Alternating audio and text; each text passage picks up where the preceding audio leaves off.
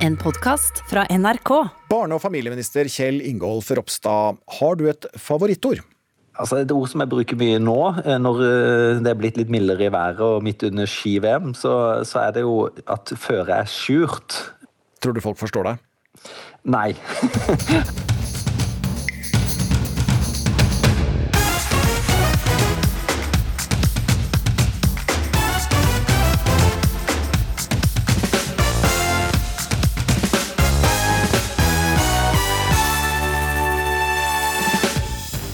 Statsråd Kjell Ingolf Ropstad får kritikk for å bruke vanskelig dialekt på pressekonferanser. Flere medlemmer i en rekke klubber ber nå Fotballforbundet boikotte VM i Qatar i 2022. Men fotballpresidenten mener vi fortsatt bør delta, og vi tar debatten. Og nordmenn fråtser i porno. Influenser Iselin Guttormsen forteller om masse dårlig sex etter pornobruk. Jeg har sugd så uendelig mye pikk som jeg ellers aldri ville ha gjort. Hvis det ikke var fordi at jeg følte at det, det må jeg som jente gjøre for at eh, karen skal synes jeg er kul.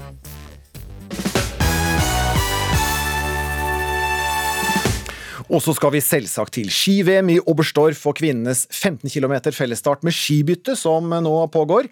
Det blir rapport og resultater. Velkommen til ukeslutt. Jeg heter Vidar Sem. Nå skal vi til tyske Oberstdorf og ski-VM, for akkurat nå pågår kvinnenes 15 km langrenn med skibytte. Og reporter Morten Stenberg, du befinner deg på skistadion. Det ble en dramatisk start her, med fall også for favoritten Therese Johaug.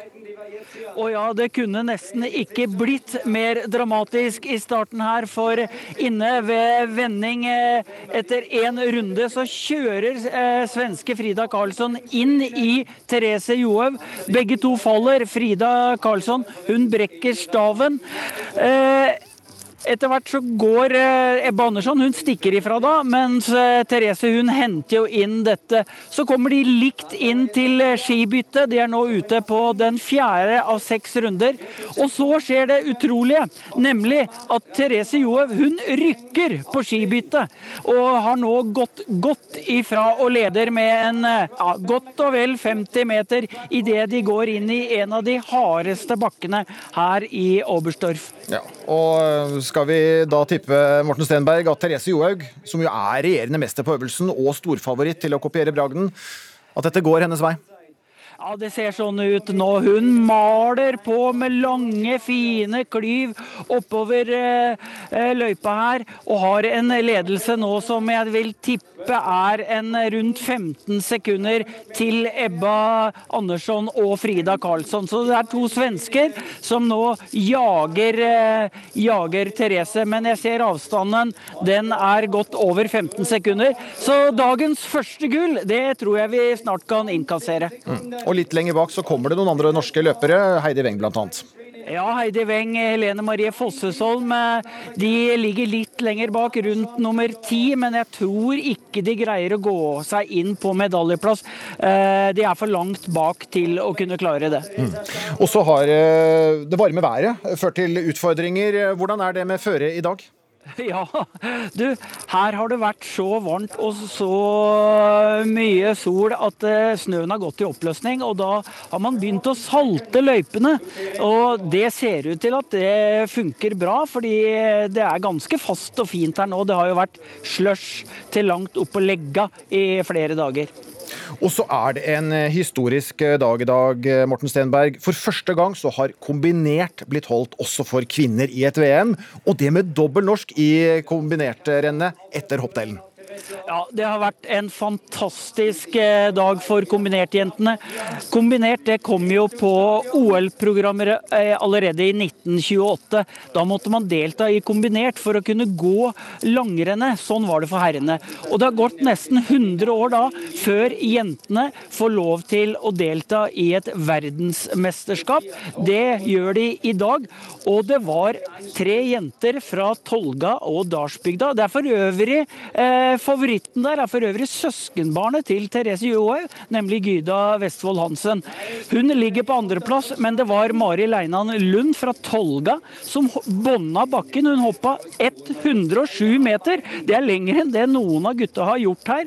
Eh, så vi har altså tre jenter fra Nord-Østerdalen, fra Tolga og Dalsbygda, som går ut som nummer én, to og fire. Og det kommer til å bli en fest for disse kombinerte-jentene, som blir historiske i dag. Ja, og kanskje en liten familiefeiring eh, med, med koronarestriksjonene. Eh, det blir altså langrenn for kvinner kombinert senere i ettermiddag. Det gjør det også for mennenes 30 km med skibytte. Det starter om en drøy time, og vi får en rapport fra deg etter hvert, Morten Stenberg. Takk i denne omgang med oss fra Oberstdorf. Og innspurten på kvinnenes skiatlon skal vi gi deg om ikke så mange minuttene. Dialekter har alltid stått sterkt i Norge. Derfor er det få som rynker på brynet når Erna Solberg tar frem skarrieren på pressekonferansene. Men hva skjer når dialekten tar over?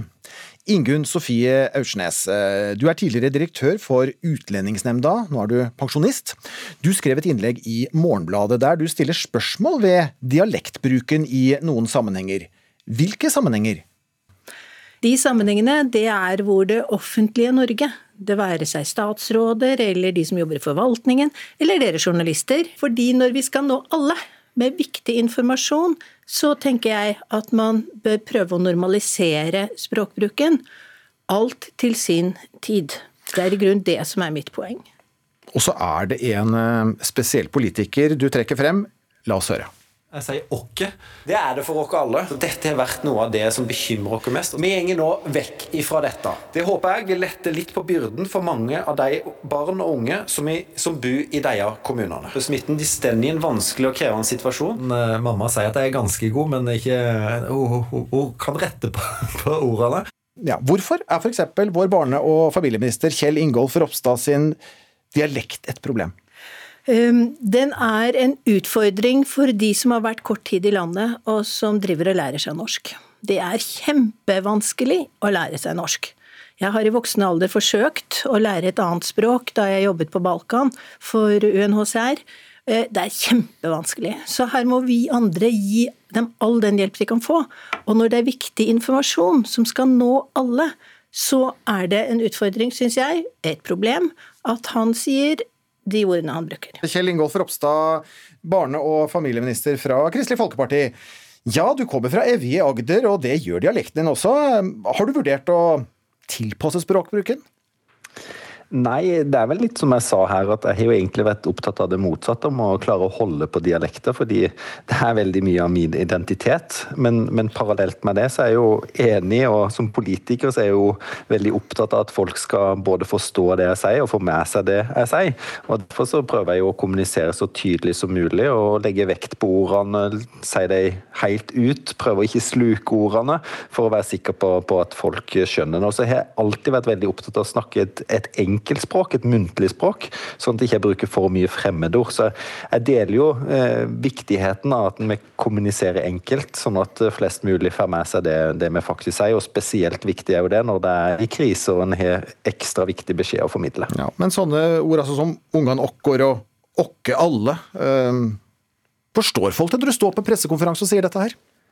Altså, jeg tror ikke det er så veldig mange spesielle dialektord som, som jeg bruker, men, men åkke, altså oss, eller vår, det, det, det er et ord som, som, mange har spurt om. Så, så, jeg tror nok kanskje det er et av de ordene som, som er vanskeligst. Ja, og det er altså de som har bodd kort tid i landet jeg er opptatt av. Fordi at vi som har norsk som morsmål, øh, jeg tror jeg er sånn rimelig språksterk, helt vanlig. Og ut fra sammenhengen så forsto jeg hva du sa. Men de som strever, for det er et strev å lære seg et nytt språk, altså. Og det er så viktig at de gjør det. Og da uh, tror jeg at dette med å bruke et ord som de ikke forstår Det er nok en del nordmenn som ikke forsto deg da heller. Så for det første så mister man sammenhengen for man ikke skjønner selve ordet. Men man begynner å tenke på hva betyr det ordet? Og da hører man ikke det som kommer etterpå i setningen heller, eller i innlegget. Så, så, man mister mye sammenheng. Og når det er viktig informasjon, og det må jeg jo Dette er jo ikke for å, å, å fornærme deg, statsråd, for all del, altså, men det, jeg grep fatt i dette som et eksempel på å belyse et flerkulturelt Norge hvor vi har en type nye utfordringer mm. på språk. Når man da i en pressekonferanse skal snakke om hvor vanskelig det er å nå innvandrerne, så blir det ironisk når du bruker sånne ord som det du gjorde. Ropstad. Ja, det, det, interessante med den eh, pressekonferansen som, som Ingunn Sofie tok opp, er jo at den faktisk ble lagt ut på flere språk i ettertid. Og Gjennom pandemien så har vi jo sett at det har vært mange innvandrere som, som har vært smitta. Og litt av utfordringen er jo vært at de altså Det er ikke nødvendigvis at ikke de skjønner hva vi sier på pressekonferanser, men det er jo at de, de, de følger ikke nyhetene på samme måte eller eh, hører på pressekonferansene. Så Derfor så har noe av det mest effektive har jo vært å bruke f.eks. innvandrerorganisasjoner, tros trossamfunn for å kunne nå ut i andre kanaler, og videoer som er spredd på Facebook osv., har vært vel så viktige. Men, men, det er jo ingen tvil om at når regjeringa kommuniserer, så er vi jo ekstremt opptatt av et tydelig språk. og, og Derfor så har vi veldig ofte skriftlig budskap, og, og, kanskje noe av det som ble spilt av fra, fra min dialekt, er jo òg eh, i, i, svar til, til journalister eh, i, i, noen av disse sammenhengene. Mm. Men kan du snu på det også, da, Ingunn Sofie Aursnes, og si at SD må man jo også lære dialekter? Ja. Kan jo være så på, på pressekonferanser. Ja, ja, og jeg tror det er feil sted. Fordi at det er for viktig. Eh, altså den informasjonen eh, Jeg tar jo ikke munnen for full når jeg sier det dreier seg om liv og død. Når vi snakker om informasjon om hvordan man skal unngå å, å bli smittet. Og disse eh, som er i ferd med å lære norsk, de kommer til å lære normert norsk, bokmål eller nynorsk. De kommer til å lære dialekten der de bor. Heldigvis. Vi har et rikt tilfang av, av dialekter. Jeg er bare ute etter der hvor dere journalister, jeg peker igjen på det, og, og, offisielle representanter for det offisielle Norge skal gi viktig informasjon der det er viktig, og nå så mange som mulig. Og så kan man snakke dialekt i alle andre sammenhenger. Hvem eh, skuffer du mest, eh, tror du, om eh, dialekten din forsvinner, Ropstad? Jeg nevnte vel mamma her. Eh, jeg hører jo veldig ofte når jeg, når jeg er hjemme at de syns jeg snakker litt for utvanna. Men, men, jeg opplever jo ikke dette her som, som kritikk av meg som person eller ikke. Men, men det, er, det, er, ikke bare lett heller å skulle bytte ut ord i dialekta di. I, I, pressekonferanser og i viktige sammenhenger så er en veldig konsentrert og fokusert på å få fram budskapet rett. Og det å da skulle sjonglere med, med, ord i tillegg, det, det, det, tror jeg bare hadde gjort det enda vanskeligere. Så, så jeg er veldig opptatt av et tydelig budskap, men, men, jeg mener samtidig at det er fullt mulig å forstå eh, det jeg sier og det andre politikere sier, når en, når en er så tydelig som, som, det vi er i de settingene. Mm. Vi har jo altså brukt eh, ordene åkkor og okke her. Har du et annet sånn favorittdialektor, eh, Kjell Ingolf Ropstad? Ja, altså Midt under ski-VM og, og, litt sånn påskeføre ute, så, så har jeg et ord når jeg går på ski at når, når, det er litt skjult, skjurt, bruker jeg som et ord. Eh, og hva det er på bokmål er jeg litt usikker på, men kanskje det er trått, eller altså at det er det motsatte av et glatt føre. Eh, det syns jeg, det synes jeg er koselige ord, og blir veldig ofte spurt om når jeg eh, sier at i dag var det skjurt føre. Men det ordet dukker ikke opp på pressekonferanser? Nei, selv om tallene er litt negative for tida, så tror jeg ikke jeg hadde sagt at de var sjure. Takk for at dere ble med i Ukeslutt, Ingunn Sofie Aursnes og barne- og familieminister Kjell Ingolf Ropstad. En som har stukket fra de andre, er Therese Johaug. Det nærmer seg målpassering nå. Vi tar inn våre kommentatorer Bjørn, Torgeir Bjørn og Jan Post. Siden av eh, de som fortsatt går på ski! Og så glad blir vi da! Og hun beholdt roen. Hun byttet ski raskere enn de andre, og så er det Sveriges enorme kamp her. Ja, dette er en prestisjeduell. Adi Kjeldne, Frida Karlsson først inn her. Ebbe Andersson jager bak, men kommer ikke særlig innpå. Og er god i friskøyting, Frida Karlsson, med veivende med stavene. Men Ebbe Andersson kommer nærmere nå. Centimeter for centimeter. Nå må de bruke stavene igjen. Hun holder seg en meter bak. Det er ikke med bevegelse. Kommer hun litt nærmere igjen. Der kommer målstreken. Ja. Og den går til Frida Karlsson. Ja, Frida Karlsson er litt bedre i friskøyting i første del av oppløpet. ja da, det ble Therese Johaug det som eh, vant 15 eh, km langrenn med med skibytte for kvinner, utklassing får vi si, så ble det en eh, andre- og tredjeplass til svenskene. Så til dystre tall. I Oslo er det registrert 245 nye koronasmittede det siste døgnet. Det er det høyeste smittetallet på ett døgn i hovedstaden siden pandemien startet. Det er også smitteøkning i flere norske byer. Og helsedirektør Bjørn Gullvåg, er det den tredje smittebølgen som nå er på full fart mot oss? Det kan det være, eh, og vi er naturligvis eh, urolige nå fordi eh, pandemien vil bli mer smittsom i de ukene som kommer. Og Det betyr at de tiltakene vi er vant til å bruke for å holde smitten nede, ikke nødvendigvis er tilstrekkelig. Vi må være raskere på når smitten bryter ut, for å isolere og smittespore. Ja, og Til Dagsrevyen i går så sa du at slik situasjonen altså er nå, så er det mest sannsynlig at vi går altså mot mer inngripende tiltak. Hva konkret vil det være? Det er de vi kjenner til som eh, reduserer kontakten mellom mennesker. Så er det sånn at eh, det vi gjør i hverdagen, du og jeg og alle andre, det spiller størst rolle, de initiativene vi selv tar til å ha færre kontakter eh, og ikke ha fysisk kontakt med hverandre. Men så må da enten kommunene eller staten i tillegg legge på ting som gjør at vi ikke møtes ofte. Og det går jo da, kan du si, utover virksomheter og eh, arrangementer, eh, hvor mange du kan ha hjemme osv. Og Du har snakket om mulighet for munnbind på skolene. Hvilke elever kan nå se for seg å måtte gå med det fremover? Jeg vil understreke at dette nå foreløpig er til vurdering. Det er mange land som diskuterer det nå. Når vi får denne om, omvekslingen med mer smittsom pandemi, hva kan vi da gjøre for å klare å holde elevene også i videregående på skolen? Og Da er det flere land som har innført eh, munnbind blant både lærere og elever i videregående, der hvor man har eh, mye utbrudd. Og Dette vurderes også nå i Norge, og naturligvis så skal vi komme tilbake med en eh, Men tror du det blir aktuelt? Det kan bli aktuelt, men dette er jo igjen da avhengig av hvilken smittespredning vi får i samfunnet. Så Hvis vi klarer oss uten dette, så vil det være det beste. Men vi kan komme i en situasjon hvor det blir nødvendig. Ja, for Et annet alternativ er jo hjemmeskole. Et antall alternativ er hjemmeskole, og eh, vi tror at det er veldig viktig for barna å være på skolen, og også de unge som eh, unge voksne, eh, å være til stede på skole og studiesteder i så stor grad som mulig for å unngå den psykiske belastningen og ensomhet. Men munnbind, da snakker vi om de eldste elevene? Da snakker vi om de eldste elevene. Videregående. videregående. Det er første rekke videregående, men i andre land så har det også vært fra tolv år oppover. Kan det, kan det, bli aktuelt her? Jeg vil ikke utelukke noen ting, men i første rekke så vil det være snakk om videregående i Norge. Byrådslederen i Oslo har varslet en pressekonferanse i morgen om situasjon og tiltak. Hva bør Raymond Johansen Oslo gjøre? Vi har hatt en veldig tett dialog med Oslo kommune eh, sammen med Folkehelseinstituttet de siste dagene, og vi har gitt eh, løpende råd som vi opplever at eh, Oslo er veldig enig i. Så det blir Oslo kommune selv som vil lansere disse tiltakene i morgen, og jeg tror ikke jeg skal forskuttere deres løsninger. For det er jo allerede veldig strenge tiltak her i, i hovedstaden. Men altså hvis tiltakene eh, som er, og eventuelt som blir, blir satt i verk, eh, ikke er nok for å hindre spredning av disse veldig smittsomme muterte virusene, ehm, så er det et forslag som er blitt lagt i skuffen, nemlig muligheten til å innføre portforbud. Bør det forslaget tas frem igjen? Jeg tror ikke vi er der nå. Eh, så nå har jo dette vært debattert grundig i eh, Norge. Eh, dere er kjent med at vi i Helsedirektoratet vi anbefalte at vi kunne gå videre med dette, slik at det virkemidlet fantes.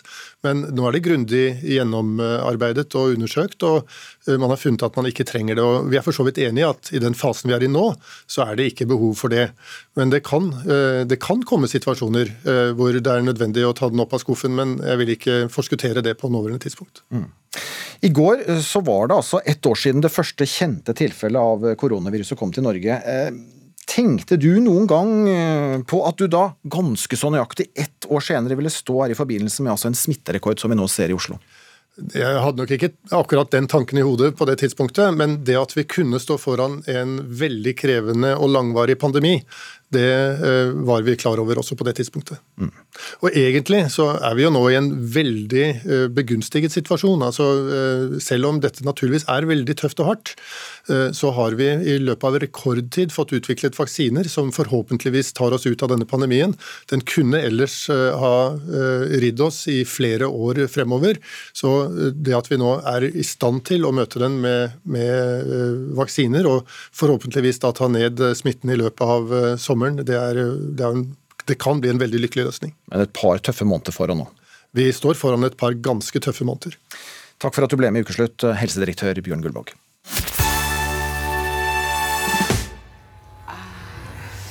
med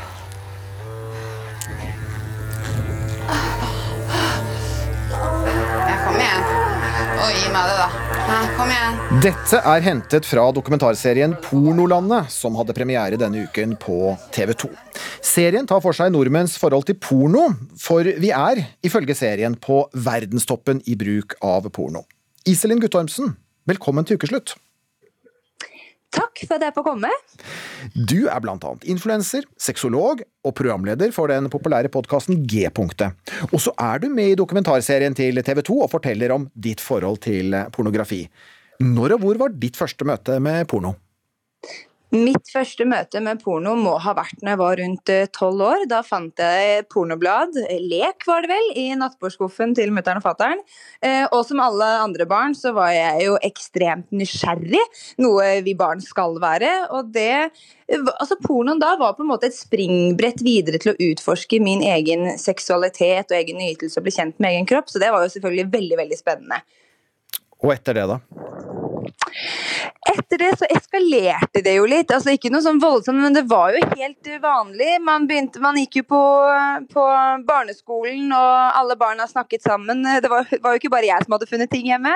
Eh, så vi var hos ei venninne, og der fant vi jo bulgarsk porno på en VHS. Og da satt vi bare knisa og lo av alt eh, som, eh, som vi så. Og vi var jo selvfølgelig veldig nysgjerrig på dette her.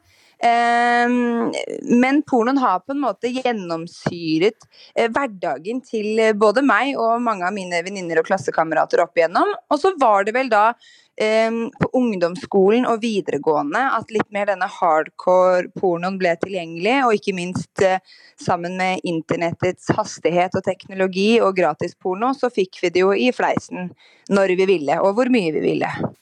Ja, for du har også kjent på, på pornoens uh, bakside. Ja, altså eh, porno for meg, jeg har opplevd det både på godt og vondt, men det var ikke før i, i senere tid, da i voksen alder, at jeg forsto hvor negativt pornoen faktisk har påvirket meg. Påvirket min seksualitet, eh, mitt selvbilde, min selvtillit, og ikke minst min utvikling som menneske da, og seksuelt vesen. Eh, for pornoen har jo gjort at jeg uh, har vært en posør i senga gjennom hele mitt sexliv. Uh, og bidratt til at jeg har vært så opptatt av hvordan jeg ser ut, uh, hvordan jeg gjør ting, hvordan jeg høres ut, og hvordan partneren min skal oppfatte meg. Så jeg har helt glemt å være til stede i nuet og nyte det som faktisk skjer. Ja, og du sier i dokumentarserien at du har hatt masse dårlig sex som resultat av porno. Ja, altså, altså, det er uten tvil. Altså, jeg har hatt masse ræva sex eh, nettopp pga. porno. Ikke bare uh, av måten hvordan jeg har blitt påvirket og hvordan jeg har sett på meg selv, men også hva slags forventninger jeg har trodd at gutta har hatt til meg, og også hva slags forventninger gutta har hatt til meg. Altså, jeg har sugd så uendelig mye pikk som jeg ellers aldri ville ha gjort, hvis det ikke var fordi at jeg følte at det, det må jeg som jente gjøre for at uh, karen skal synes jeg er kul. Jeg har svelget mye sæd, selv om jeg ikke vil jeg har brukket meg og kastet opp, men da blir du på en måte sett på som en litt sånn Da er du en dårlig sexpartner hvis du ikke tåler det. Um, det altså og, og, jeg har tillatt meg selv å gjøre ting, og tillatt andre å gjøre ting med meg som jeg ellers ikke ville ha gjort hvis det ikke var for at uh, jeg trodde det var forventa nettopp uh, pga. porno, da. På hvilken måte har porno vært uh, positivt for deg? Eh, porno har jo vært positivt i den form av at det var et springbrett eh, til utforskelse av egen seksualitet og nytelse og kropp. Eh, den har trigget nysgjerrighet, og den, altså den, er, jo, den er, jo, en inspirasjon på mange måter. Eh, den har også vært veldig positiv, spesielt når jeg gikk gravid med, med førstemann. holdt jeg på å si. Da var det så mye hormoner og så mye kåthet i denne kroppen at det hjalp. Så da var, det, eh, da var porno og sexleketøy flittig brukt. Eh, men så, så det har vært veldig positivt, men etter at jeg begynte å studere sexologi og har sett egentlig, for å si det rett ut, de fatale konsekvensene av hvordan det egentlig har påvirket meg opp gjennom um, min oppvekst og som ung voksen kvinne, så har jeg rett og slett kuttet det ut. Sa Iselin Guttormsen her i Ukeslutt.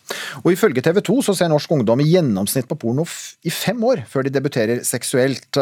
Men er det greit? La elleveåringen se kvalitetsporno, sier sexologiprofessor Espen Ester Pirelli Benestad. Det er ingenting i pornoen som forbereder elleveåringer på seksuallivet, svarer Ane Stø i kvinnegruppa Ottar. Det blir straks debatt her i Ukeslutt. Mange unge ser eh, på porno flere år før de debuterer seksuelt. Men bør de det? Espen Ester Pirelli Benestad, hvis en elleveåring kommer til deg og spør om det er ok å se porno, hva svarer du da? Ja, da svarer jeg hva, hva slags porno har du vært borti, og hva slags porno tror du at du trenger å se? Eh, slik at eh, Skal porno være meningsfylt så må det på en positiv måte, så må det være noe som er på en måte tilpasset den elleveåringens behov. Og gjerne må han eller hun eller hen se det litt før de får bruk for det. Hmm. Så hvis det er såkalt eh, kvalitetsporno, da, så sier du ja til elleveåringen? Ja, ja, absolutt. Eh, det beste hadde selvfølgelig vært at vi hadde hatt en kultur som hadde lært oss alle opp bedre på dette området, men foreløpig har vi jo ikke det. Slik at vi er jo i noen grad iallfall overlatt til de som lager erotikk av forskjellig slags. Jeg må jo også si det at etter mange år i sexologien er det litt vanskelig for meg å vite helt hvor skillet går mellom erotikk og pornografi. Hvis du fikk tilsvarende spørsmål, Ane Stø, fra en elleveåring som kommer til deg og spør om det er ok å se porno, hva hadde du svart? Da hadde jeg svart at eh, det eh, bør de absolutt eh, prøve å unngå, og heller utforske seksualiteten på, på egen hånd sammen med, med, seg selv, og finne ut hva de sjøl syns er, er ok. Du er leder i kvinnegruppa Ottar Annestø, mens eh, Espen Ester Pirelli Benestad, du er lege og professor i sexologi ved Universitetet i Agder. Og du sier også at porno på sitt beste er seksualitetens eh, kokebok. Hva legger du i det? Jeg legger på en måte det at hvis, hvis, det er god porno Jeg har sett det som jeg tror veldig mange ville kalle god porno. Eh, og da gir det ganske mange innspill til hva en selv kunne gjøre. Selvfølgelig så kan en jo misforstå dit hen at en tror at en skal gjøre akkurat slik, eller at en skal se akkurat slik ut. Men det gjelder jo så mange ting her i livet at det er jo ikke alltid alle får det aller beste ut av det. Men det betyr jo ikke at vi ikke skal ha det. Hva hadde stått i din pornokokebok, Annestad? Uh, jeg vet ikke hvordan jeg skal besvare det spørsmålet. Uh, men uh, det er klart at det er behov for, for, å styrke seksualundervisningen. Altså det er behov for både å møte de unges nysgjerrighet på, på sex, det er behov, behov for å snakke om altså, ja, grensesetting, hvordan man opplever det å, å ha sex. og det, det tenker jeg at Eh, absolutt er, er tiltak som, som, vi nå bør, bør, sette i gang med. Men det inkluderer ikke en porno, altså kokebok, eh, slik som eh, Espen Ester Pirelli Bennestad ser mulighetene til? Nei, jeg tenker at uh, Seksualiteten uh, finner man jo best ut av uh, sjøl. Og det som er problemet med den pornotilgjengeligheten som, som vi har i dag, er jo at unge blir flaska opp på porno lenge før de sjøl er i nærheten av å være i en seksuell situasjon sammen med andre. Eh, og, og det påvirker, det legger eh, føringer og begrensninger eh, på, på hvordan man skal utvikle seksualiteten sin, på en måte som vi mener er veldig uheldig. Og det er vel et poeng, Espen Ester Pirelli Bennestad, at eh, de ser, eh, unge ser altså eh, en god del år før de debuterer, og sånn sett kan danne seg et bilde. Og selv om man snakker om, om kvalitetsporno, hva nå det enn er helt, da, men det er jo en fare for at altså pornoestetikken med de smidige kroppene, de hårløse kjønnsorganene og de store penisene med ja, konstant ereksjon skaper unaturlige forestillinger da om erotikk og sex. Ja, absolutt. Men det vil jeg heller ikke kalle kvalitetsporno. Hva er det egentlig? Hva er kvalitetsporno da? Jeg prøvde å si at det er porno som er tilpasset de behov disse uh, unge har. Men Hva kan det konkret være, hvis du skal vise, vise, vise en pornofilm til en elleveåring? Hva hva skal de se? Da, jeg vil jo prøve å få tak i hva den elleveåringen vet allerede, for eh, vedkommende vet allerede litt. Eh, og Hvis vi da virkelig hadde et oppslagsverk, så kunne vi, vi kunne gå inn i og se at ja, her har vi en eh, gutt som tiltrekkes av andre gutter. Hva, hva fint kan vi finne der som kan gi han litt mer kunnskap, litt mer seksuelt folkevett, kan du si, når han skal gå inn i, i sine egne fantasier? Fantasier, og senere i um, sex med andre. Men Snakker vi om kjønnsorganer i bevegelse? Ja, kjære deg, vi, vi, tåler å se mye annet i bevegelse, så hvorfor ikke kjønnsorganer i bevegelse? Det har jeg aldri skjønt at det er noe problem. Kjønnsorganer beveger seg jo, eh, hvis kroppen beveger seg. Annestad. Altså, eh, den pornoen som, eh, som det blir snakka om her, som er et oppslagsverk i seksualitet, den er jo på ingen måte tilgjengelig for, for de unge i dag. Altså, de blir bombardert med reklame for porno på alle mulige slags eh, sosiale medier. Man har Pornhub, alle de store eh, aktørene på, på, dette feltet, eh, som på ingen måte eh, prøver å finne ut av hva som er sunt og, og bra for, for en elleveåring. Her er det altså vold og fornedrelse i alle bauger og kanter. Eh, og vi er jo bekymra for eh, altså Dette er jo et stort sosialt eksperiment å ha så mye grov, voldelig eh, porno tilgjengelig for, eh, for, unge mennesker som skal utvikle seksualiteten sin, de skal utvikle identiteten sin. Hvem er jeg eh, eh, når det kommer til sex i, i forhold til andre? Eh, og det at, at, at unge menn eh, blir så altså At seksualitet blir så knytta til vold, makt og overgrep fra, fra, en tidlig alder, det er jo noe som, som vi som samfunn må ta ansvar for. Men det er jo også til inspirasjon og nytelse, sier mange som bruker det.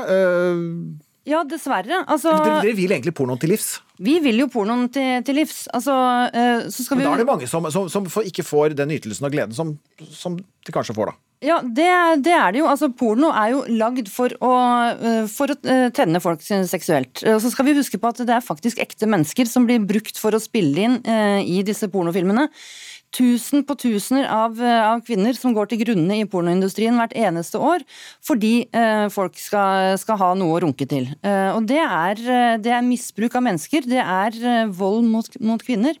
Og I tillegg til det så utsetter man seg jo da for å bli påvirka av, av pornoens budskap når det gjelder kjønn og seksualitet, nemlig at kvinner er underordna menn, at kvinner skal stille opp på, på menns uh, forventninger. Uh, og gjør de ikke det, så fortjener de å bli voldtatt. Det er essensen i porno, som vi altså lar uh, unge mennesker i dag ha fri tilgang til. Espen Ester Benestad. Ja, jeg har jo vært borti mange menneskers seksualitet og mange menneskers erfaring med det, og hvordan man bruker erotikk og pornografi. Eh, og mitt bilde er ganske variert, vil jeg si. Eh, eh, jeg ser jo veldig mye som ikke inspirerer til verken vold eller annen utnyttelse.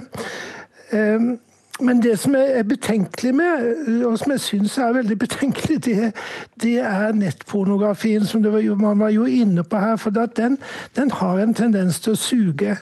Eh, du kan godt gå inn på et, et rom som for så vidt er anbefalt og hyggelig, og hvor det er greie saker, men så er det akkurat noen som hvisker fra bakrommet liksom 'Kom hit, kom hit. Her er det mye mer spennende.' Sånne ting. Og jeg har jo hatt klienter som virkelig har plutselig befunnet seg på sider de aldri hadde tenkt at de skulle komme på. Så, men samtidig så vet jeg dette kan vi ikke tror jeg, gjøre noe med. Vi må på en måte gjøre som nederlenderne har gjort i alle år, og si at vi har dette her. Og nå må vi se hvordan kan vi gjøre det beste ut av det. Og det beste vi kan gjøre ut av det, det er jo å gi veldig skikkelig seksualundervisning fra barnehager oppover. Uh, slik at, at, Nå er det en som er veldig ja, Da er det Ane Støv ja. veldig ivrig her. Hun nikker, og, og, er vi ikke helt uenige her, men Jeg er veldig enig i at vi må styrke seksualundervisningen. Uh, I tillegg så kan vi faktisk skjerme barn og unge ved å innføre et nettpornofilter som gjør at unge under 18 år ikke får, får tilgang til dette før de altså har hatt sex sjøl, har fått utvikle og finne ut av hva de sjøl syns er ok og bra å være med på. Eh, og Da tror jeg vi hadde gjort barn i Norge en kjempestor eh, tjeneste ved å skjerme dem for denne driten, og samtidig gi dem eh, god informasjon og mulighet til å reflektere over seksualitet. Ja, og Da blir det ikke helt den kokeboken som Espen Ester Pirelli Benestad snakket om, hvis det skal være null porno. Der er nok uenigheten mellom dere. Takk for at dere ble med i Ukeslutt og tok debatten om porno. Ane Stø i kvinnegruppa Ottar og Espen Ester Pirelli Benestad, professor i sexologi. The winner to organize the 2022 FIFA World Cup is Qatar. Jubelen sto i taket i Qatar da de fikk tildelt fotball-VM i 2022. Men siden tildelingen har 6500 gjestearbeidere mistet livet i Qatar. De har blant annet bygget nye stadioner og fasiliteter til VM. Nå vil flere på grasrota i Fotball-Norge få Fotballforbundet til å boikotte fotball-VM i Qatar. Og du er en av dem, eh, Kenneth Kjelsnes. Sammen med to andre så har du foreslått for klubben din, Rosenborg, at de skal be Fotballforbundet om å boikotte. Hvorfor gjør dere det? Jo, Det gjør vi fordi at eh, Qatar det er et undertrykkende regime. og fordi Forholdene vi er med å bygge på er helt uakseptable. Eh, de her Gjestearbeiderne de jobber på farlige arbeidsplasser og bor under helt eh, uakseptable forhold. Og så er det jo sånn at Når Qatar søker og får et stort idrettsarrangement som VM, da, så er det jo det vi kaller for sportsvasking. og det er en måte for et regime å kunne si rengjøre seg sjøl på fra et elendig omdømme eh, og overgrep eh, og brudd på menneskerettigheter, ved at de bruker rikdommen sin til å kjøpe mulighetene til å arrangere sånne store sportsarrangement. Men, men du, hvorfor, jeg bare, jeg bare deg, hvorfor, hvorfor, kommer dere med dette nå? For det, altså, Qatar eh, kjenner vi fra før av utfordringene for gjestearbeidere der. Har, har vært kjent en stund, og det er jo bare noen få uker til Norge skal spille kvalifiseringskamp. Ja, ute i siste liten? Et sånt siste nødrop, eller? Nei, Det vil jeg vel kanskje ikke si, for det her har det vært eh, fokus på siden eh, fra før tildelinga av VM til Qatar. Eh, og det har blitt satt mye fokus på det her både fra supportere menneskerettighetsorganisasjoner osv. Og så er det jo nå da vi har en det er jo blitt sagt at, eh, at eh, VM kan bidra til også, og dialog osv. kan bidra til at eh, forholdene kan bli bedre, men vi ser jo på en måte at det har ikke skjedd på noe som helst måte. Og da blir det til slutt sånn at vi er nødt til å ta et standpunkt rett og slett, og, og, og spørre oss sjøl om vi kan være med på det her, og så gi legitimitet til at man kan eh, ja, til et, eh, et, VM arrangert på uakseptable forhold, og til at regimer som Qatar kan bruke den muligheten og kjøpe seg til det for å stille seg sjøl i, et, et godt lys. Ja, og Boikott er altså alternativet, mener du, Terje Svendsen, president i Norges Fotballforbund.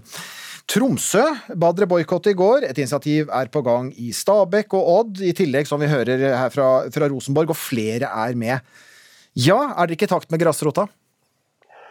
Jo da, vi er helt enige i sak, tror jeg. Jeg tror at uh, det, det, som også Kenneth var inne på, i forhold til, til de uakseptable arbeidsforholdene som, som eksisterer der nede, så er, så er, vi helt på linje. Ja, Men nå sier de at nå må, dere, må vi boikotte sier ja, grasrota. Og det, og det, er en virkemiddeldiskusjon.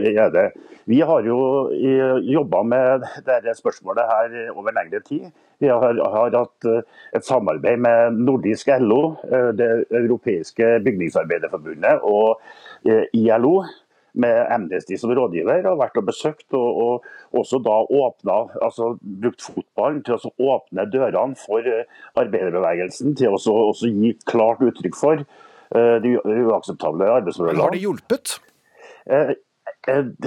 Om vår innsats har hjulpet, det, er vanskelig å si. Men eh, Amnesty ga ut en rapport eh, i høst hvor de i hvert fall peker på at det er en viss positiv eh, utvikling. Og Amnesty har jo anbefalt oss å ikke boikotte. og så langt så har vi valgt å, å følge Amnestys anbefaling. Ja, de har vel sagt at dere må, må bestemme eh, om det er riktig med boikott, så, så, avgjørelsen står vel, er vel hos, hos, dere og deg som president da, i Norges Fotballforbund? Ja, Amnesty har så langt overfor oss, Amnesty International har så langt overfor oss har sagt at de ikke anbefaler, men at vi fortsetter å sette press. Samtidig så skjønner vi veldig godt den bekymringa som grasrota i norsk fotball har. og Vi kommer selvfølgelig til å også lytte til, til, den. Hvis at fotballfamilien mener at, at det er boikott, så, så, må vi jo eh, rette oss etter det. Men jeg tror at det, kan det bli aktuelt, men altså, kan det bli aktuelt med boikott? Eh, gitt at det, baller på seg at det blir flere og flere klubber som, som ber eh, dere i toppen om å gjøre det? Altså, Jeg utelukker ikke noe som helst, men uansett boikott eller ikke, så kommer vi til å fortsette å sette søkelys på, sammen med LO og Amnesty, uh, søkelys på forholdene i, i Qatar. Mm. Men uh, og, og, og, Jeg må ta, med, ta inn Kenneth Kjelsnes i, i Rosenborg her.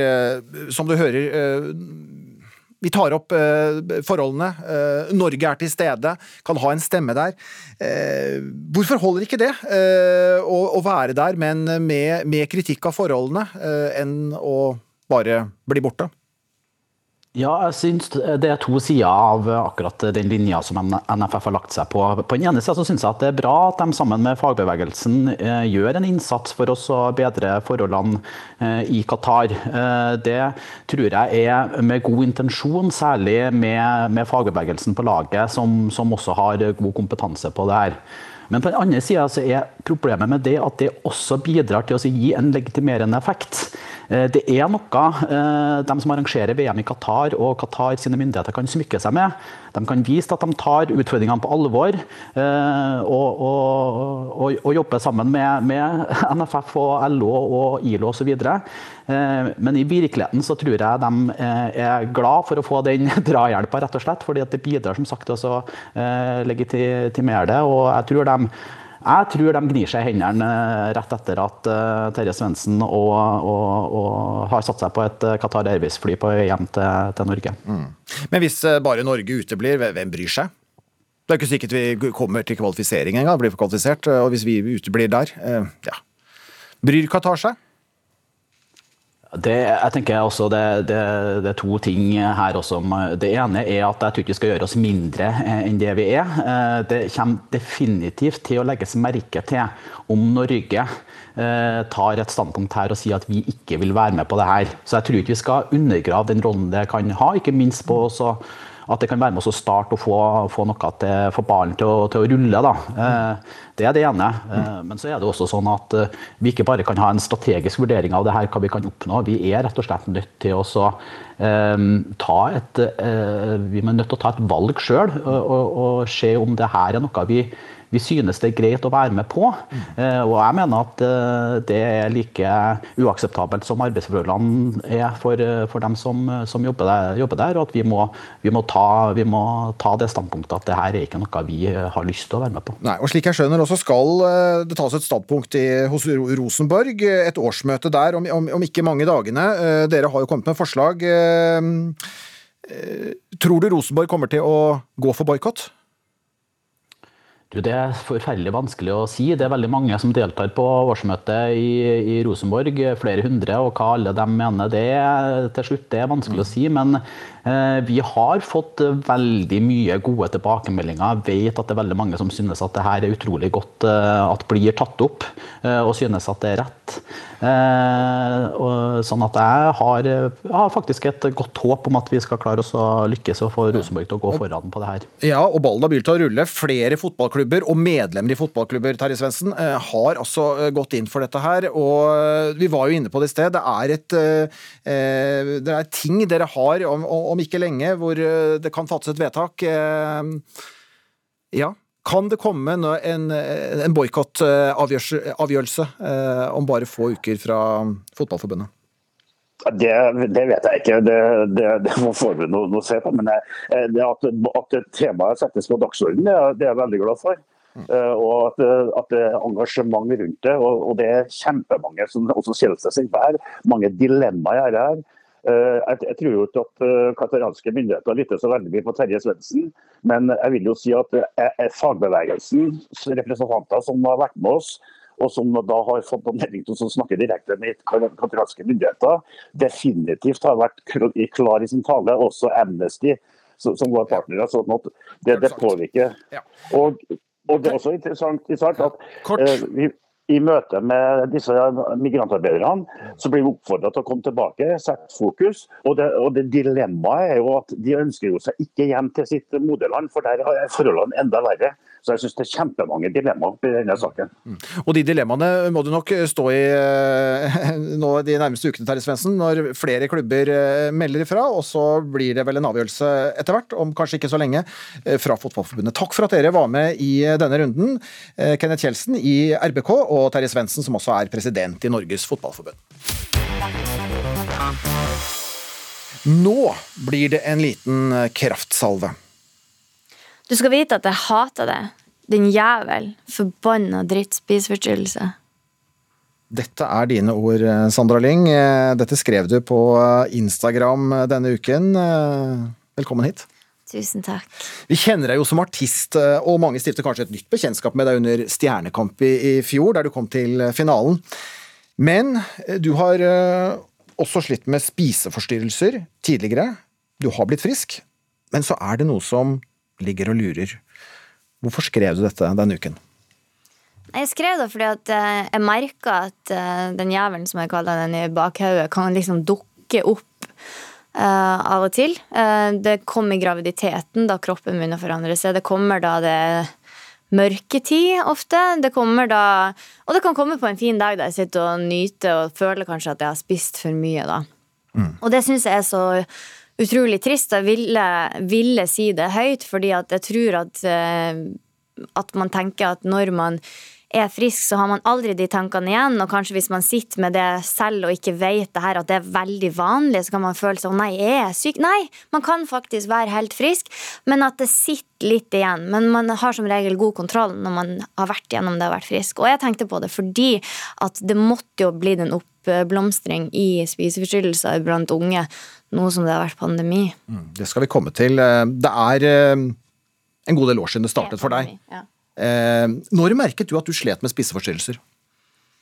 Eh, Jeg visste jo ikke hva det var da. Jeg var tolv, tror jeg, og så brukte jeg mat til å dempe, til å bedøve det vonde jeg hadde inni meg. Som jeg ikke kunne forklare. Som jeg bare kalla de vonde tankene. Jeg hadde ikke peiling.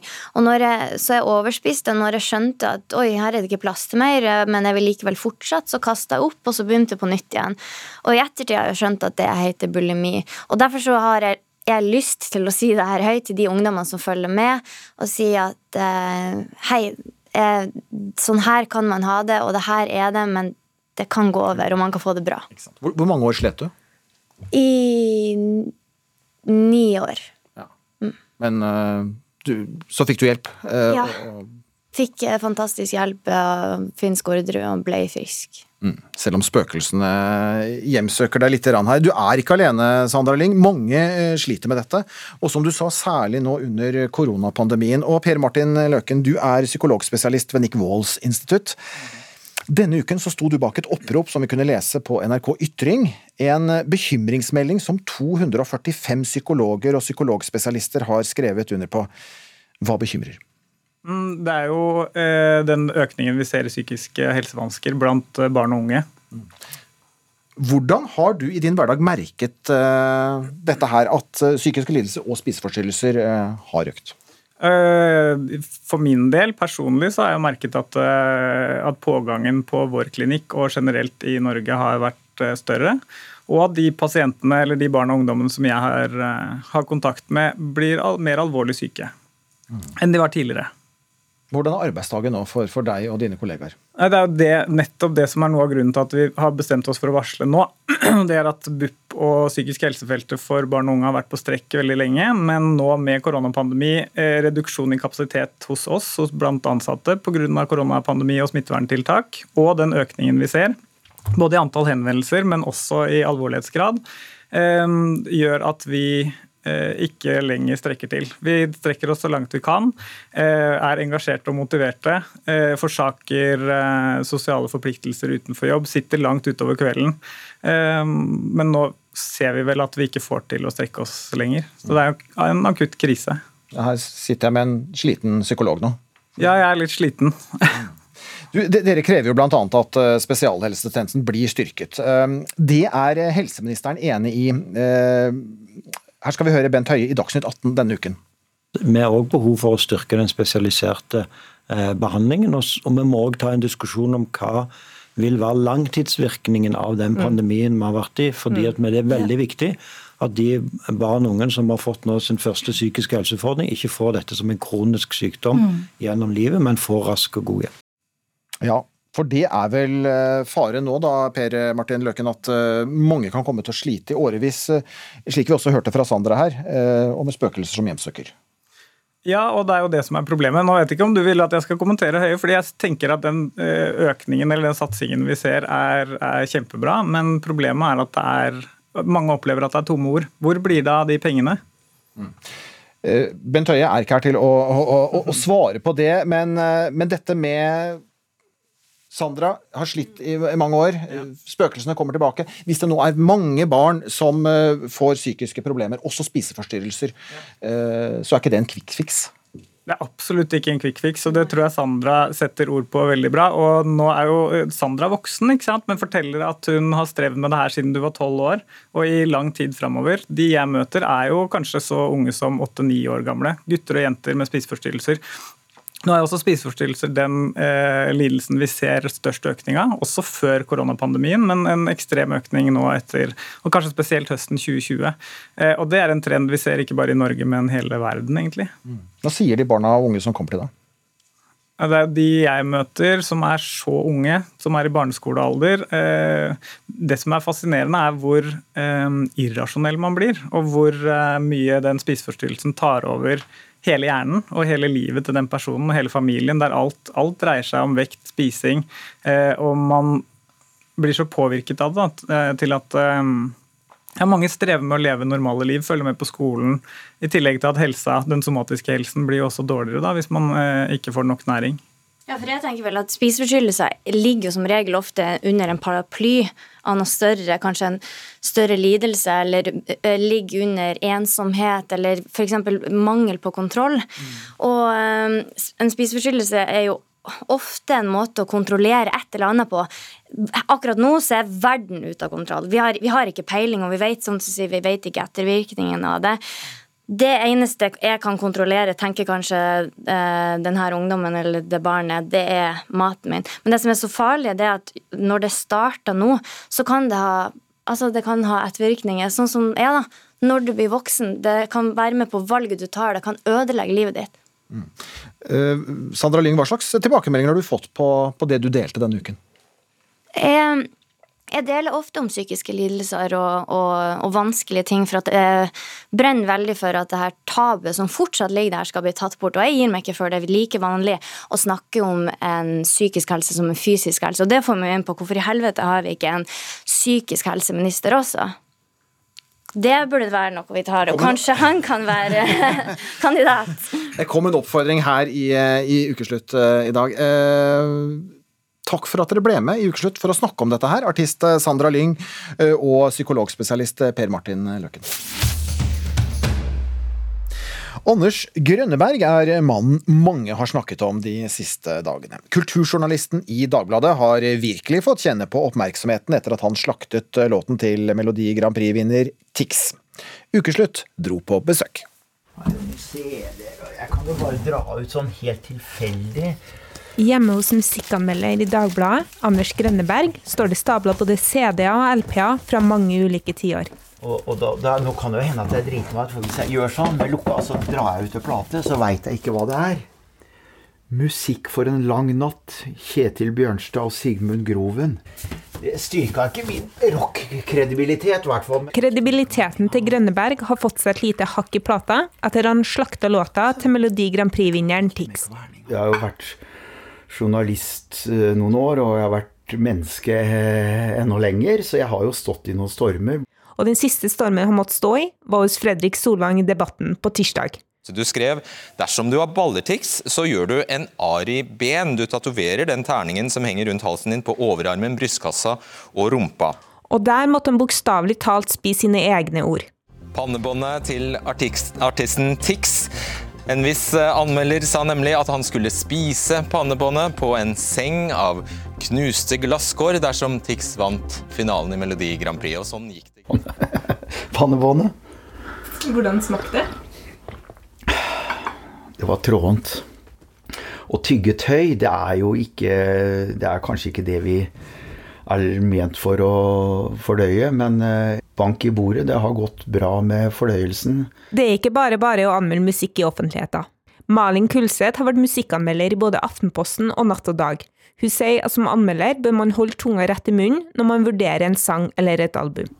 Altså, Man skal jo virkelig være på vakt for å harselere med folks mentale helse. Det skal man ha respekt for, og man skal på en måte bare av prinsipp forsøke å behandle mennesker eh, med respekt. Hun støtter ikke nødvendigvis det Grønneberg sier om TIX, men mener at artister må tåle konstruktiv kritikk. Man må tåle å bli vurdert, om det er med negativt eller positivt fortegn. Hun forstår at det ikke er gøy som musiker å få slakt, men sier at de store plateselskapene ikke nødvendigvis er enig i det. Altså Folk som jobber i major labels og sånn, de sier jo også at eh, når det kommer en terningkast én, så jubler de på kontoret, liksom. For da, da er det bare å gønne på. Så det verste er jo å ikke bli omtalt i det hele tatt. Og en som savner mer slakta musikk i Norge, er Beglomeg-vokalist Raymond Tegner Haugen. Jeg syns det er stort sett positiv omtale eh, å lese. da. At uh, hvis noe blir skrevet om, så er det for det meste positivt. Det er ikke mindre og mindre av, uh, av den uh, tradisjonelle slakten. da. Så du tenker det er rett og slett bedre å få slakt enn å ikke få noen omtale? Ja, jeg tenker egentlig det. Det, det er ikke akkurat noe hyggelig følelse når man blir slakta fra, altså på noe man har jobba beinhardt med og som man bare elsker med hele sitt hjerte. da. Artist Ella Mangi har kjent på det å få slakt. Da hun ga ut debutalbumet sitt i 2007, fikk hun ikke den tilbakemeldinga hun hadde håpa på. Men også som artist så må man være også forberedt på at eh, spør du ti folk om feedback på én sang, så får du antageligvis ti forskjellige svar. Hun sier at det ikke er noe feil å slakte artister, men da bør anmelderen ha kjennskap til sjangeren at man har en faglig bakgrunn eh, på det man anmelder. Eller så, er, eller så, kan man like så godt spørre naboen om hva han eller hun syns om den sangen eller det albumet.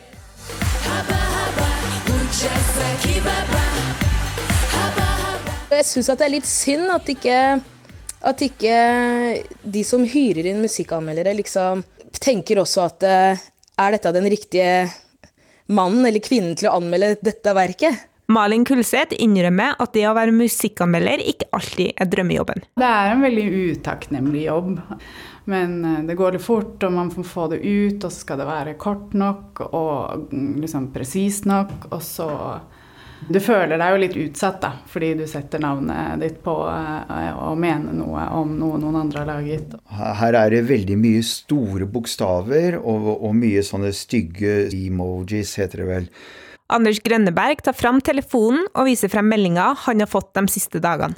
Apropos gener, må du ha stått ganske langt bak i køen da de ble delt ut. Du ser helt for jævlig ut. Tannregulering burde du hatt for lenge siden. Du er tvers gjennom en ekkel fyr. Han har fortsatt mange uleste meldinger og e-poster fra ukjente Tix-fans, men han har likevel aldri tenkt tanken på å få et hemmelig nummer jeg har tenkt å ha det, telefonnummeret jeg har til jeg ikke greier å ta telefonen lenger. Og de som eventuelt vil, eh, vil true meg, da, de, de sier at de veit hvor jeg bor. Men ja, jeg har bare funnet ut at jeg står oppført på 1881 og Gule sider, tror jeg, på, med tre forskjellige adresser.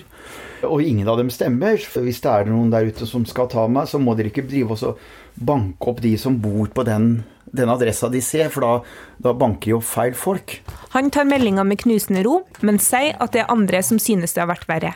Madammen uh, her i huset Jeg orka ikke å se på, se på TV og debattene som har gått, og jo måtte tenne opp noe salvie for å få og, la den røyken gå ut i huset, for å få ut de onde demonene som, som liksom har vært der. Det er bare det, Vi er jo ikke akkurat overtroiske, men liksom bare sånn Og sjøl om anmeldelsen har resultert i en storm, så er han klar i sin tale. Angrer du på noe av det du har eh, skrevet? Nei, jeg angrer ikke, så jeg står, står for det.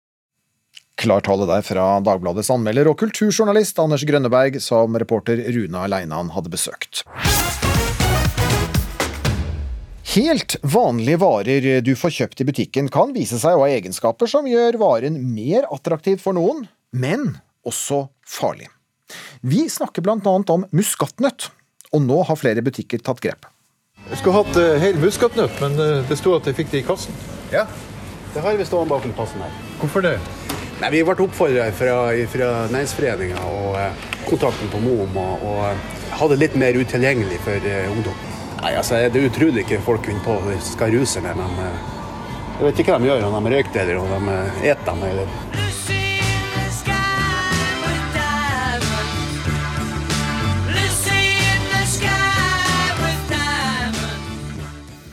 I forrige uke ble det altså kjent at uh, muskatnøtt blir satt bak disken i noen butikker etter at tenåringer brukte det som rusmiddel. og Krydder brukes jo bakverk og matlaging, men i større mengder er muskat uh, giftig og kan gi LSD-lignende rus. og Førsteamanuensis i organisk kjemi ved Universitetet i Oslo, Alexander Sandtorv. Uh, ja, hvorfor er muskatnøtt farlig?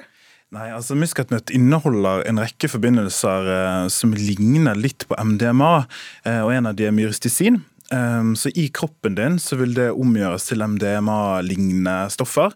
og Da får du altså en, en veldig ubehagelig rus ut av det. Ja, eh, Rusmiddel MDMA. Eh, får man noe særlig rus, da?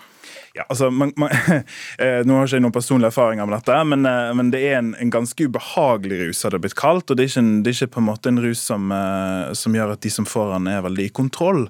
Så det er en ganske farlig rus, faktisk. Mm. De ser så uskyldige ut her de ligger i, i, pakningen som vi har kjøpt i, i butikken. To muskatnøtter. Det er jo ikke helt nytt at man faktisk kan ruse seg på dette her. Hvorfor tror du det blir en, en sak nå? Nei, altså Det er jo sikkert fordi at, eh, at lokale ungdomsmiljø så, så, sprer disse tingene seg. og Vi ser det hvert eneste år eh, at det er noe nytt som kommer opp, selv om det kanskje for oss er gammelt. da. Eh, og Nå er det jo pga. De sakene som har vært i butikken som har flytta muskatnøtten bak kassen fordi at det har vært lokalrus i miljøene. Ikke sant. Så er det fanget opp her, og så snakker vi om det her. Det var, det var posen med, med, med muskatnøtt jeg har her. Men det er også andre produkter i butikken som kan gi en form for rus.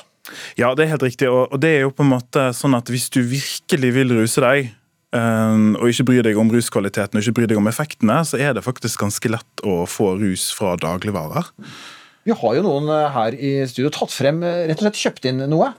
Formfett er én. Skal vi si noe om det. Formfett. Hva ja, Da er det altså ikke selve fettet som gjør at du blir rusa, eh, men det er, det er drivgassen inni. Og Da kan jeg bare skyte inn at den, det å ruse seg på formfett er fryktelig farlig. Og det er folk som dør av det. Mm. Og dette er altså da en, en, boks med spray som man kan få kjøpt i, i butikken. Eh, bør være ytterst forsiktig, altså. Ja. Du, jeg, jeg, har en annen ting her, Aleksander Sandtorv. Ja. Det er vel kanskje ikke så uh, ukjent, men kjøpt i butikk. Lim. Ja, og da er, det, da er, det, igjen ikke selve limet som er russtoffet inni her, men det er organiske løsemidler eh, som du kan sniffe og få en slags rus ut av. Eh, fryktelig farlig for nervesystemet. Eh, og derfor, Nå anbefaler jeg ingen rus i dag, men, men det er òg ganske farlig. altså. Og så er det et produkt til som eh, de fleste av oss bruker under eh, armene. Dette er en deodorant. Mm. Og Det òg er løsemidler og forskjellige ting i, i, eh, ulike typer deodoranter som man kan bruke hvis man på død og liv vil ruse seg. Dette er jo ikke noe vi tenker på sånn i hverdagen. Jeg har ikke tenkt så mye på det at dette er, dette er rusmidler. Nei, og det er kanskje det som er grunnen til at jeg er veldig interessert i denne saken. fordi at jeg tror vi i Norge har et veldig svart-hvitt forhold til rus. Enten så er det heroin, eller så er det fullstendig trygt. Um, og det som Jeg tenker at jeg skulle gjerne sett en debatt rundt det her. For jeg tror at uh, når vi har et sånn falsk tomåte å tenke på rus på, uh, så unngår vi litt disse tilfellene med den helt tradisjonelle uskyldige muskatnøtten som man da kan ruse seg på. Uh, så jeg ønsker mer debatt rundt uh, informasjonen vi gir ut til, eh, til, mennesker, spesielt unge mennesker. Eh, for hver eneste ungt menneske som vi mister pga. dette, er jo en tragedie. Mm. Vi vet for lite om, om denne rusen. Jeg vet nok ikke for lite, men Nei. jeg tror at nordmenn generelt vet for lite. Du, Nå har du eh, forhåpentligvis vært med og, og opplyst oss litt her, Alexander Sandtorv. Vi får håpe at ingen flere driver og ruser seg på, på dette her. Men takk for at du, du ble med og snakket om altså muskatnøtten. Du er førsteamanuensis i organisk kjemi ved Universitetet i Oslo. Takk, takk. Nå skal vi tilbake til ski-VM i Oberstdorf. For drøyt et kvarter ut i mennenes 30 km med skibytte så tar vi inn vår reporter Morten Stenberg. Og hvordan går det for de norske gutta? Akkurat nå så kommer eh, gutta forbi meg her nå. Det er Aleksandr Bolsjunov side om side med Emil Iversen, Johannes Østfold Klæbo, Hans Christer Holund, Sju røte, og bare ti meter bak der så ligger Simen Hekstad Krüger. Det er litt stillingskrig før eh, det smeller til her. Det er stille før stormen. Og eh, jeg har med meg landslagstrener Arild Monsen her. Hvordan syns du det ser ut? Det ser greit ut. Det- Det går jo på en måte pent og pyntelig. Det går- ikke sakte, men det er jo fart som eh, ei stor gruppe er med enda da. Så antar vi skrudde opp litt siste runden på klassisk, antar jeg. Det er eh, stillingskrig, som vi sa, og det er litt Norge mot Russland.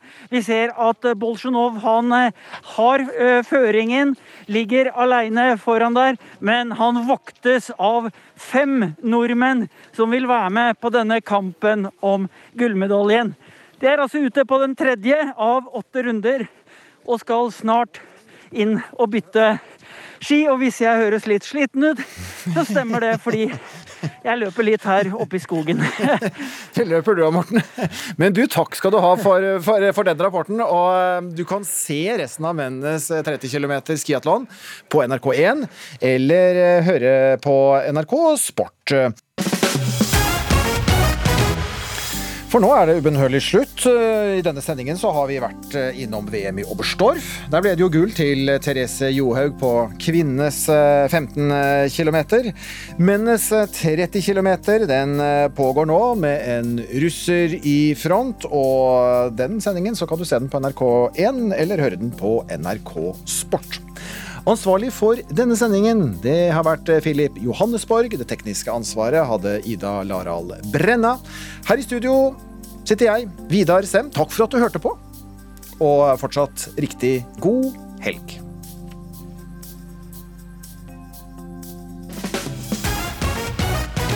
Du har hørt en podkast fra NRK. Hør flere podkaster og din NRK-kanal i appen NRK Radio.